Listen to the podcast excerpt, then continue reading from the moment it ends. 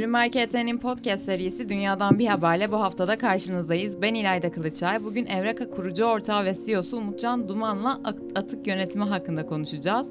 Ancak öncesinde Evraka nedir, ne yapar onu dinleyelim sizden. Süper, çok teşekkür ederim. Ee, Evraka 2015'te kuruldu. Atık yönetimi dünyasının bir tane problemini fark etmiştik biz aslında. Çöp kamyonları, çöp konteynerlarını her gün aynı sıklıkta topluyorlar.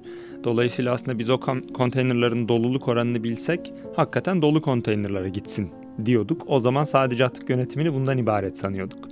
O günden bugüne e, yaklaşık 7 yıl oldu. Bugün geldiğimizde atık yönetimi dünyasının uçtan uca bütün yazılım altyapısını sağlayabilir durumdayız. Aslında atık yönetiminin ERP'si diyebiliriz kendimize.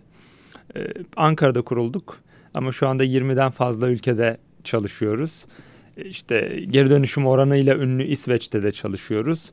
Ee, mükemmel bir operasyon sisteminde ünlü e, Singapur'un da bütün elektronik atık altyapısını biz yönetiyoruz. Şimdi e, belediye atığını da biz yönetmeye başlayacağız önümüzdeki yıldan itibaren. E, Evreka bir teknoloji şirketi.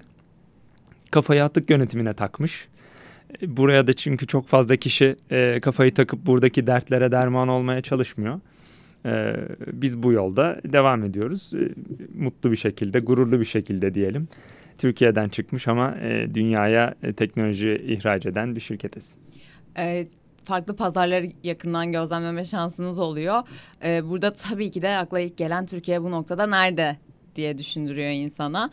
Yani var mı elinizde bununla alakalı veri ya da nasıl görüyorsunuz oradaki atık yönetimi mesela İsveç dediniz Türkiye ile kıyaslandığında gerek toplum gerekse orada işte e, ülkelerin yaptığı çalışmalar nasıl? Ee, şimdi farklı farklı oyuncular var aslında. Bütün ülkelerde de bunlar aynı. Ee, bir e, regülasyon konusu. İkincisi bu ürünleri pazara sürenler yani üreticiler ve satıcılar diyelim perakendeciler. Ee, bunların toplanmasından sorumlu olan atık yönetimi şirketleri ve beşincisi hep böyle bizim göz ardı ettiğimiz aslında bireyler. Ee, asıl sorumluluk bireylerde gibi görüyoruz biz. Yani o bilinç seviyesine ulaştıktan sonra aslında biz de hem doğru operasyonu talep edebiliyoruz hem de biz atıklarımızı doğru yönetebiliyoruz. Gördüğümüz kadarıyla farklı ülkeler aynı probleme farklı açılarla da yaklaşabiliyorlar. Örneğin Hollanda'da başka bir taraftan yaklaşılıyor konuya. Almanya'da başka bir taraftan yaklaşılıyor. Dolayısıyla aslında problem benzer ya da aynı da olsa ülkeler kendi çözümlerini kendine adapte, kendi kültürüne adapte olabilecek şekilde yapıyorlar.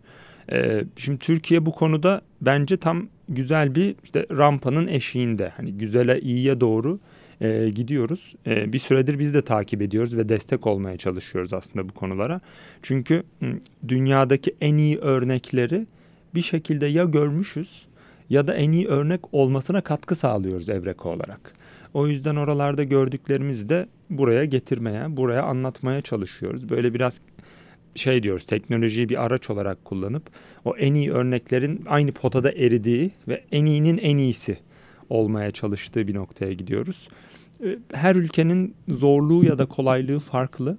Yani bugün nasıl diyelim 10 milyonluk bir ülkede bir operasyonu iyileştirmek görece daha kolayken 85 milyonluk bir ülkede çok daha e, büyük, daha kompleks bir operasyon olabiliyor. O yüzden hani yapılacak şeyler bazıları belli, bazıları belirsiz ama hepimize sorumluluk düşüyor. Yani şirketlere de, regülasyonlu yapanlara da belki de en önemlisi bireylere, bizlere de. Kesinlikle. Peki bu 7 yıldır siz aktif olarak e, bu girişimle çalışıyorsunuz. Peki nasıl bir katkı sağladınız? İşte konuştuk yayın öncesinde de karbon emisyonu anlamında nasıl ne kadarlık bir atık yönetimini sağladınız? Ee, biz geçtiğimiz yılın verileri çok net elimizde. Bu yılın henüz toparlamadık verilerini ama geçtiğimiz yıl örneğin 14 milyon ton atığın verimli yönetilmesini sağlamışız bütün dünyada müşterilerimizle birlikte. Ve bu sayede 12 milyon kilogram karbon emisyonunu kazandırmışız yani oluşmasını engellemişiz. Bu yaklaşık 650 bin ağaca denk geliyor. Ee, dolayısıyla hani çok büyük bir etkisi de var. Bir taraftan bu operasyonel iyileştirme, bir taraftan finansal katkıları. Çünkü yüzde 35'e 40'a varan iyileştirmeler olabiliyor operasyonun niteliğine bağlı olarak. Ama belki de daha önemlisi e, bunun aslında çevreye e, ve sürdürülebilirliğe olan etkisi. E, bunu da kendimize aslında en önemli KPI olarak koymaya başladık. Yani bu bizim yapmak istediğimiz şey. Bunu arttırmak istiyoruz. Dolayısıyla e, böyle sayılar verebilirim. Süper. Şimdi gördüğüm kadarıyla bu sürdürülebilir girişimlere yönelik ilgi artıyor.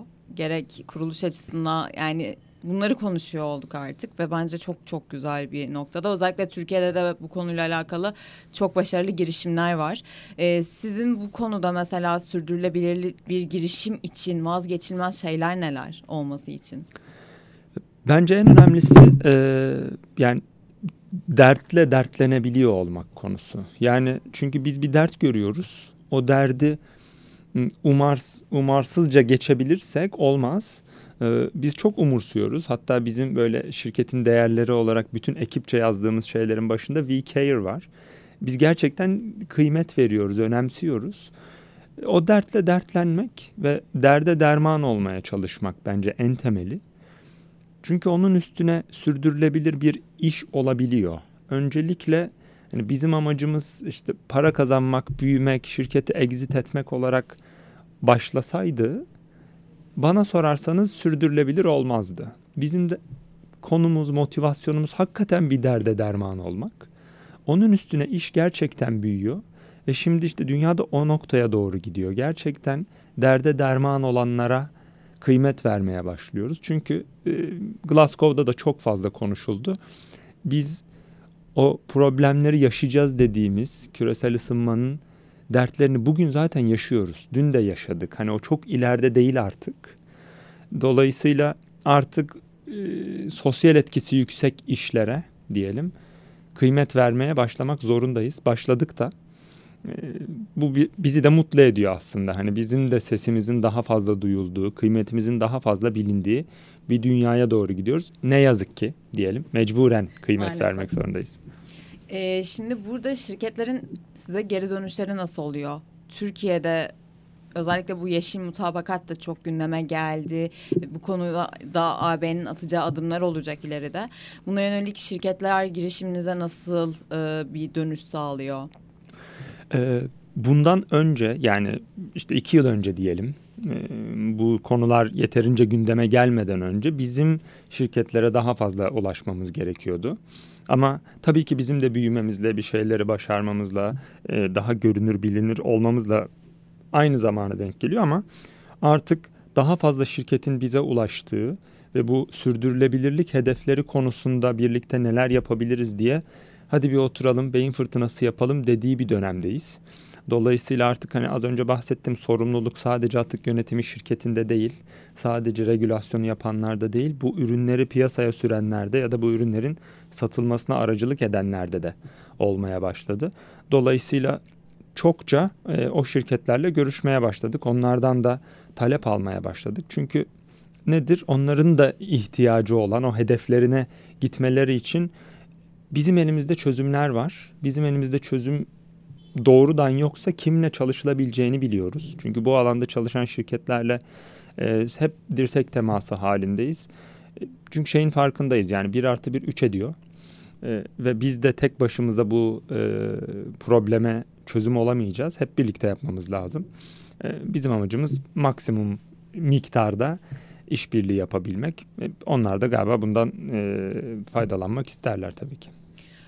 Bu noktada karşınıza çıkan zorlukları sormak istiyorum. Hani illaki tabii ki de bu başarının ardında zorluklar mutlaka olmuştur ki hala karşılaşıyor olabilirsiniz. Çünkü farklı bir girişim. Bunu hem anlatmak hem e, cevap beklemek derken neler çıkıyor karşınıza? E, zor bir konu tabii ki. Bir de hele ki atık yönetiminden başladık. Bu bir bir yandan zorluk bir yandan fırsat. Çünkü çok fazla kişi atık yönetimi dünyasına bakmıyor bu, bu da şu oluyor yani siz birine bunu anlatmaya çalıştığınızda karşınızdaki kişi bunu anlamıyor. Ama bu bizim sorumluluğumuz. O yüzden ben artık hani atık yönetimi dünyasının ne olduğunu önce anlatıp sonra bizim ne yaptığımızı anlatmaya başladım. Dolayısıyla adapte olmamız gerekti. Ama avantaj tarafı da şu ki çok fazla kişi buraya bakmadığı için biz buraya baktığımızda çok hızlı ilerleyebildik. Yani bugün ne geldiğimizde işte Türkiye'den başladık. Hayalimiz büyüktü. E, bugün oralara yakın durumdayız. Yani dünyada atık yönetimine bu kadar kapsayıcı bir çözüm veren kaç şirket var dendiğinde bir elin parmaklarını geçmiyor. Dolayısıyla o akla gelen ilk beş şirketten olmaya başladık. Hani zor mu? Zor ama işte o zorlukla baş etmeye çalışanlar galiba meyvelerini yiyor diyelim. E, sabırla sabırla doğru şekilde anlatmaya çalışmak galiba en büyük e, challenge'tı bizim için. Şimdi pandemiyle beraber atıklar, işte bu tek kullanımlık plastikler, e, maskeler tabii ki de arttı. Bununla birlikte atıklar da arttı. Şimdi bir yandan da atık üretimini azaltmak gerekiyor değil mi? Yani bunu nasıl yapabiliriz? Hem şirketler bazında hem birey bazında. Kesinlikle öyle oldu. Yani pandemide aslında kimi yerlerde toplam atık miktarı çok değişmese de atığın şekli ya da oranları değişti ya da atıkların çıktığı lokasyonlar değişti. Aslında çok dinamik hareket etti o e, akışı, atığın akışı hareket etti diyelim. Bizim de hep söylediğimiz şey buydu. Böyle bir senaryoda hatta atık yönetimi sektörünün çok kritik olduğu da ortaya çıktı. Yani durmayan sektörlerden hatta belki de büyüyen sektörlerden biri haline geldi. Peki neler yapabiliriz? Evet bir taraftan hani o tek kullanımlık hani o hijyen konusu kıymetli o, o illaki oluyor bu dönemlerde. Bu noktalarda kullanılan malzemeler aslında materyal bilimi konunun içine girmeye başlıyor. İşte nasıl diyelim? Ya plastiği e, virgin material'dan üretmeyelim de aslında tekrar kullanılmış bir plastikten üretelim gibi.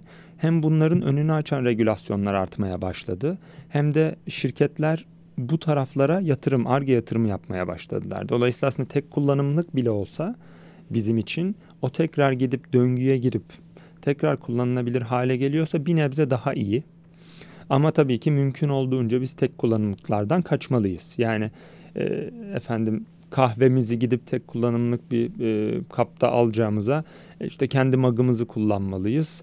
Tekrar tekrar onu kullanmak çok daha faydalı. Hatta işte şimdi yenice e, geri dönüştürülmüş materyalden mag yapıyorlar. Hmm. Hani o bile hani o tarafa doğru gitsin iyice diye. Günün sonunda aslında bunun bir atık hiyerarşisi var. Yani öncelikle atığımızı azaltmalıyız, sonra işte tekrar kullanmalıyız vesaire gibi böyle adım adım e, günün sonunda bunları adım adım uyguladıkça iyiye gideceğiz. Her biri aslında iyinin bir parçası. Hani bir tanesini yaptım ama diğeri daha iyiydi.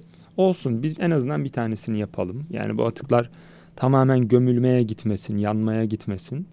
Ee, yapacak aslında çok iş var. Bütün dünyada bu arada.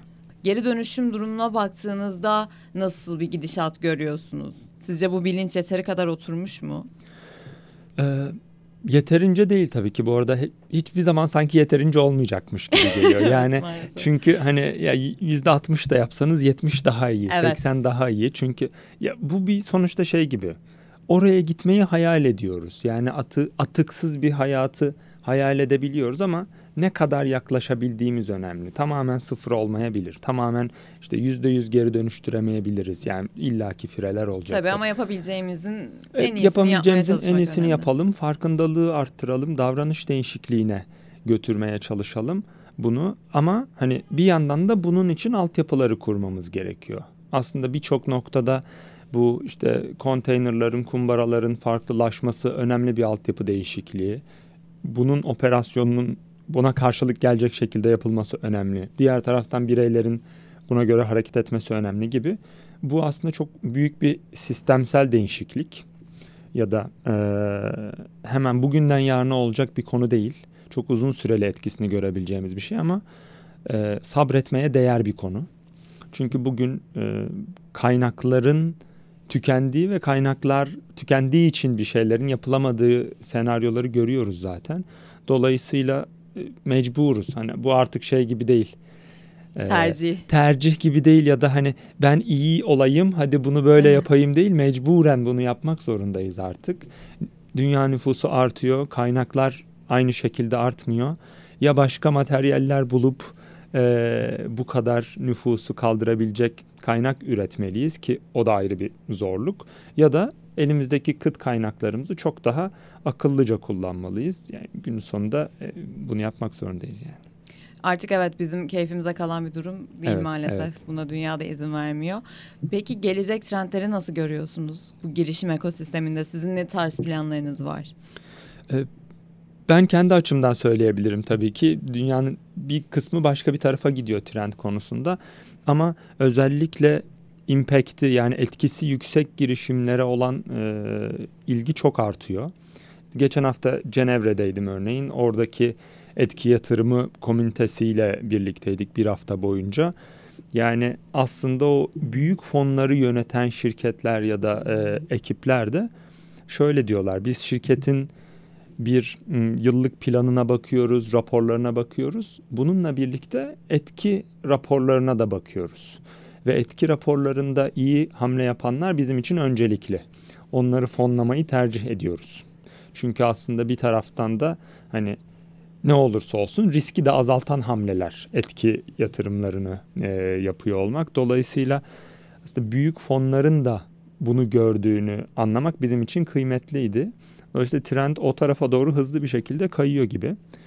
E, Dolayısıyla etkisi yüksek girişimler bence e, hot topic olacak. Yani günün sonunda finansal tarafta çok daha kazancı olan işler olabilir e, bizim yaptığımız alanın dışında. Ama kendi pen- penceremizden bakınca bunu net bir şekilde görebiliyorum. Biz nereye gideceğiz dersek de biz aslında zaman içerisinde şunu fark ettik. Atık yönetimini uçtan uca yönetebiliyorsak aslında bu döngüsel ekonominin döngüsünün yarısını yönetebiliyoruz. Ve diğer yarısına da yavaş yavaş dokunmaya başlamışız. Çünkü e, üretici şirketlerin fabrikalarının atıkları da bizim sistemlerde yönetiliyor. Ya da e, ürünleri satan perakende şirketlerinin atıkları da bizim sistemlerde yönetilebiliyor. Dolayısıyla aslında daha kapsayıcı olup konuyu yavaş yavaş atıktan e, daha döngüsel ekonomiye doğru getirebileceğimizi fark etmeye başladık bütün dünyada. Şimdi oradaki yolu biraz daha kendimizce netleştirmeye çalışıyoruz. Ama onu görmek bizi daha da heyecanlandırdı. Çünkü konu sadece atık değil. Konu gerçekten bütün döngünün e, şeffaf şekilde yönetilebiliyor olması. E, birey olarak da hepimiz aslında bunu istiyoruz. Maksimum e, şeffaflık o döngülerde hepimiz için faydalı olacak. Çünkü iyi bir şeyler yapmak zorundayız artık. Özellikle ben çevremde görüyorum bunu ve duyuyorum da aynı zamanda. Çok fazla kendi girişimini kurmak isteyen ki ben şeye çok inanırım. Hani herkes girişimci olmalı fikrine çok inanan birisiyim. Ee, ama gerek finansal kaynağı yeterli olmuyor mesela. İşte ya da fikrim acaba e, sürdürülebilir mi? Çok fazla düşünce oluyor insanın kafasında ve bir yerden asla başlayamıyor.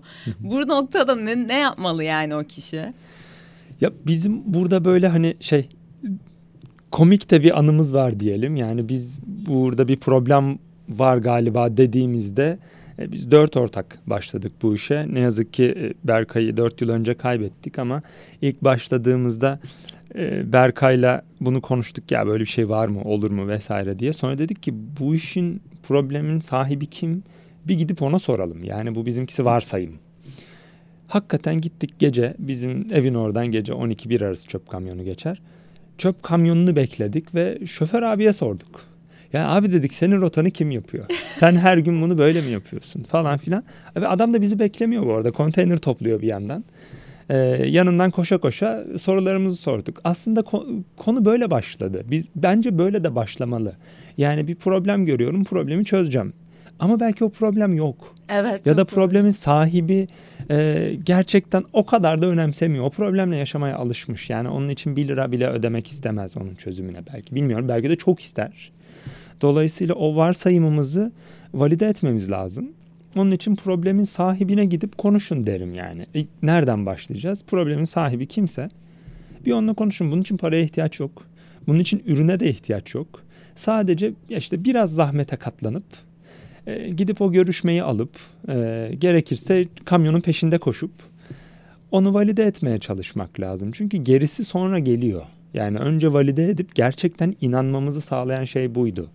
Biz e, o abin o abiyle konuşmasaydık, o kamyonun peşinden koşmasaydık. Size ne dedi bu arada? Ya dedi ki ben her gün aynı şeyi yapıyorum. Dolu boş benim için önemli değil. Abi dedik olur mu şey? Peki dedik yani bazıları boş bazıları dolu oluyor mu? Olmaz mı dedi. Bazısı taşıyor dedi. Bazısı boş oluyor dedi ama sonuçta benim rotam aynı dedi. Ben aynı bölgeye gidiyorum falan. E dedik olmaz abi bu böyle. Ya ona demedik de yani o gidince söyledik kendi içimizden. Yani fark ettik yani bizim varsayımımız doğruymuş. Biz bunu çözsek aslında e, ciddi büyük bir yükü kaldırmış oluruz ve bütün dünyada böyle olduğunu fark edince dedik ki evet bunu birilerinin çözmesi lazım.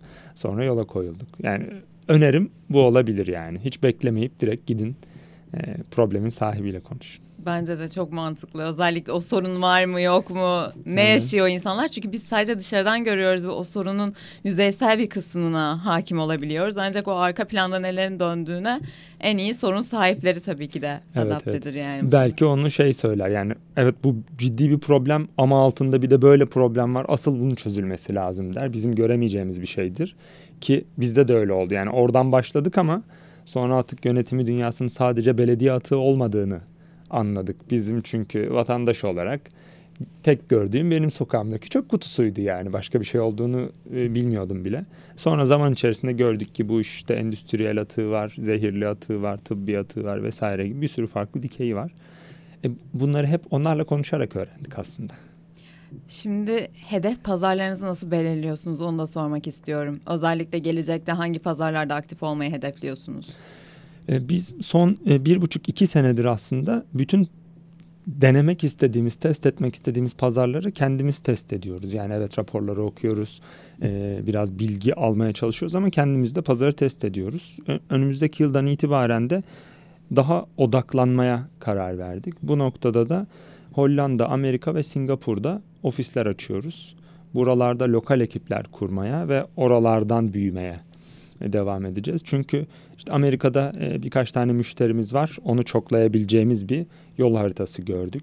Avrupa bizim için kıymetli ve Hollanda bu döngüsel ekonominin aslında doğduğu yer diyelim. Konsept olarak çok aşinalar ve e, cidden bütün Hollanda'daki e, pazarda yeni bir çözüm arayışında.